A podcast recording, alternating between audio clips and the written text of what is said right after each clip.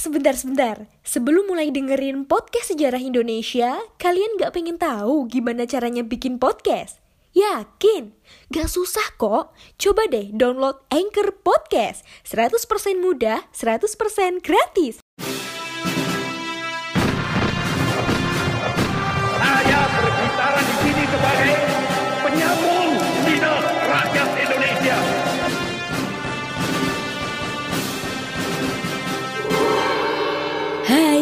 Kalian sedang mendengarkan Poseidon, podcast sejarah Indonesia. Ngomongin masa lalu dengan gaya masa kini. Assalamualaikum warahmatullahi wabarakatuh. Salam sejahtera bagi kita semua. Salam sejarah. Saya Ika dan kalian lagi dengerin Poseidon Podcast Sejarah Indonesia. Podcast yang bikin kalian gagal move on. So stay step stealthy Tetap semangat untuk mengulas masa lalu. Dan mohon perhatiannya kawan-kawan. Sesaat lagi saya akan membawa kawan-kawan ke masa lalu session 2 So kencangkan sabuk pengaman kawan-kawan Karena dapat saya pastikan kawan-kawan akan gagal move on. Oke baik. Sudah kan kawan-kawan?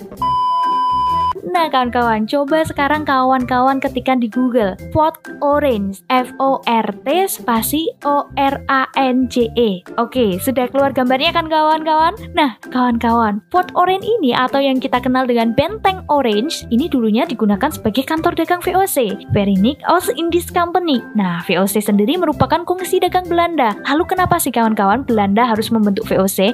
Nah, ternyata kawan-kawan di Belanda sana terjadi persaingan dagang antar pedagang-pedagang Belanda. Kemudian pemerintah dan parlemen Belanda, yaitu Staten General, atas usulan dari Pangeran Maurit dan Johan van Oldenbarnevelt, dibentuklah VOC pada 20 Maret 1602 sebagai kongsi dagang Belanda. Belanda membentuk VOC tentu ada tujuannya, ya nggak kawan-kawan? Selain sebagai upaya untuk menghindari persaingan dagang antar para pedagang Belanda, tapi juga untuk memperkuat kedudukan para pedagang Belanda menghadapi persaingan dengan para pedagang negara lain, khususnya EIC, ya, East Indies Company, milik Inggris. Nah, selain itu kawan-kawan ternyata juga bertujuan untuk membantu keuangan pemerintah Belanda. Nah, kawan-kawan, guna menjalankan kongsi dagangnya, VOC ini memiliki gubernur jenderal. Keren ya, kongsi dagang tapi punya gubernur jenderal. Nah, gubernur jenderal VOC pertama yang di Nusantara yaitu ada Peter Put. Ia mendirikan pos perdagangan di Banten pada tahun 1610 dan pada tahun itu pula meninggalkan Banten lalu memasuki wilayah Jayakarta atau yang sekenal uh, sekarang dikenal sebagai wilayah Jakarta. Nah, di sana ia berhasil menjalin kerjasama dengan penguasa setempat, kemudian membeli tanah di timur Muara Ciliwung, Jakarta. Lokasi inilah yang kemudian dijadikan sebagai basis administrasi VOC di Nusantara. Selain hal tersebut, ia juga berhasil mendirikan pos perdagangan di Ambon. Nah, pada tahun 1614, ia pun digantikan oleh Gerard Reyes. Baru berjalan satu tahun, Gerard Reyes ini digantikan oleh Lawrence Rill. Nah, Lawrence Rill dalam masa jabatannya berhasil membangun gedung Mauritis di Ciliwung. Setelah merasakan nikmatnya tinggal di Nusantara dan menikmati keuntungan yang melimpah dalam berdagang, Belanda semakin ingin menguasai wilayah Nusantara. Guna memenuhi nafsu keserakahannya tersebut, VOC sering melakukan tindakan pemaksaan dan kekerasan. Nah, tindakan semena-mena VOC inilah yang mendorong Sultan Banten yang dibantu Inggris pada tahun 1618 berhasil mengusir VOC dari wilayah Jayakarta pada tahun 1618. Nah, merasa bangsanya dipermalukan pasukan Banten, Gubernur Jenderal VOC Lawrence Rill akhirnya digantikan oleh Jan Peter Zungun. Nah, Jan Peter Zungun ini dikenal sebagai Gubernur Jenderal yang berani, kejam, dan ambisius. Ditambah lagi VOC saat itu memiliki hak oktroy atau yang kita kenal hak istimewa. Apa saja sih hak oktroynya milik VOC?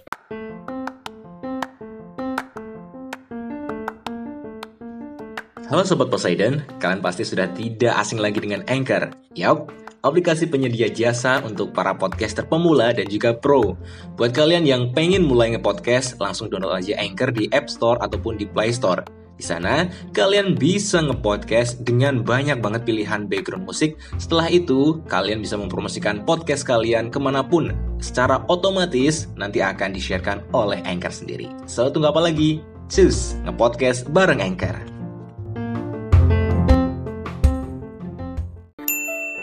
Ada tujuh ya. Yang pertama, memonopoli perdagangan. Kemudian yang kedua, memiliki angkatan perang. Coba, kongsi dagang punya angkatan perang. Super sekali. Kemudian yang ketiga, mencetak mata uang. Dan yang keempat, memerintah wilayah yang diduduki. Kemudian yang kelima itu melakukan perjanjian dengan raja-raja. Dan yang keenam, melakukan peperangan. Dan yang terakhir yaitu mengangkat pegawai punya hak, tentunya punya kewajiban dong ya. Nah kawan-kawan, kewajiban VOC ini setidaknya ada dua. Yang pertama, bertanggung jawab kepada Sultan General, yaitu parlemen tadi yang membentuk. Kemudian yang kedua, membantu keuangan dan angkatan perang milik Belanda.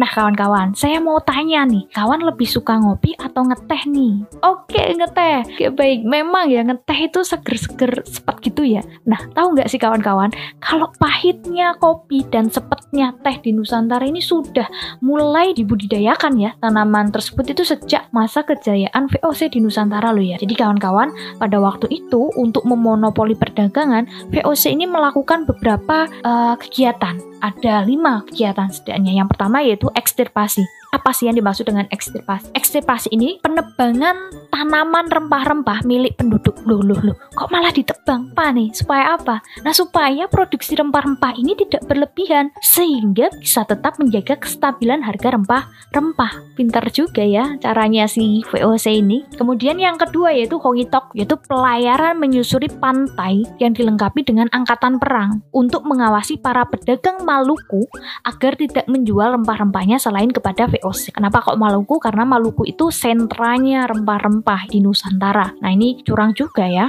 Kemudian Verlipte Referenti. Verlipte Referenti ini rakyat wajib menjual hasil buminya dengan harga yang telah ditentukan oleh VOC. Nah, kemudian selain Verlipte Referenti juga ada Prigel. Kalau Prigel Stelsel ini kewajiban bagi rakyat untuk menanam kopi di daerah Priangan, Bandung, Jawa Barat. Kemudian yang kelima yaitu ada kontingenten. Kontingenten ini kewajiban rakyat membayar pajak berupa hasil bumi kepada VOC. Hampir sama ya dengan Verlipter Referenti, tapi kalau Verlipter Referenti itu lebih rakyat itu wajib menjual hasil buminya, menjual hasil bumi dengan harga yang telah ditentukan. Kalau kontingenten kan kewajiban rakyat membayar pajak tuh ya. Nah kawan-kawan, kesuksesan dan kejayaan yang diraih VOC ini berakhir pada akhir abad ke-18, tepatnya pada 31 Desember 1799. VOC resmi dibubarkan. Pembubaran VOC ini berhubungan dengan masalah keuangan yang pada akhirnya membuat kongsi dagang ini pada kebangkrutan. Adapun penyebab VOC mengalami kebangkrutan itu karena ada beberapa hal.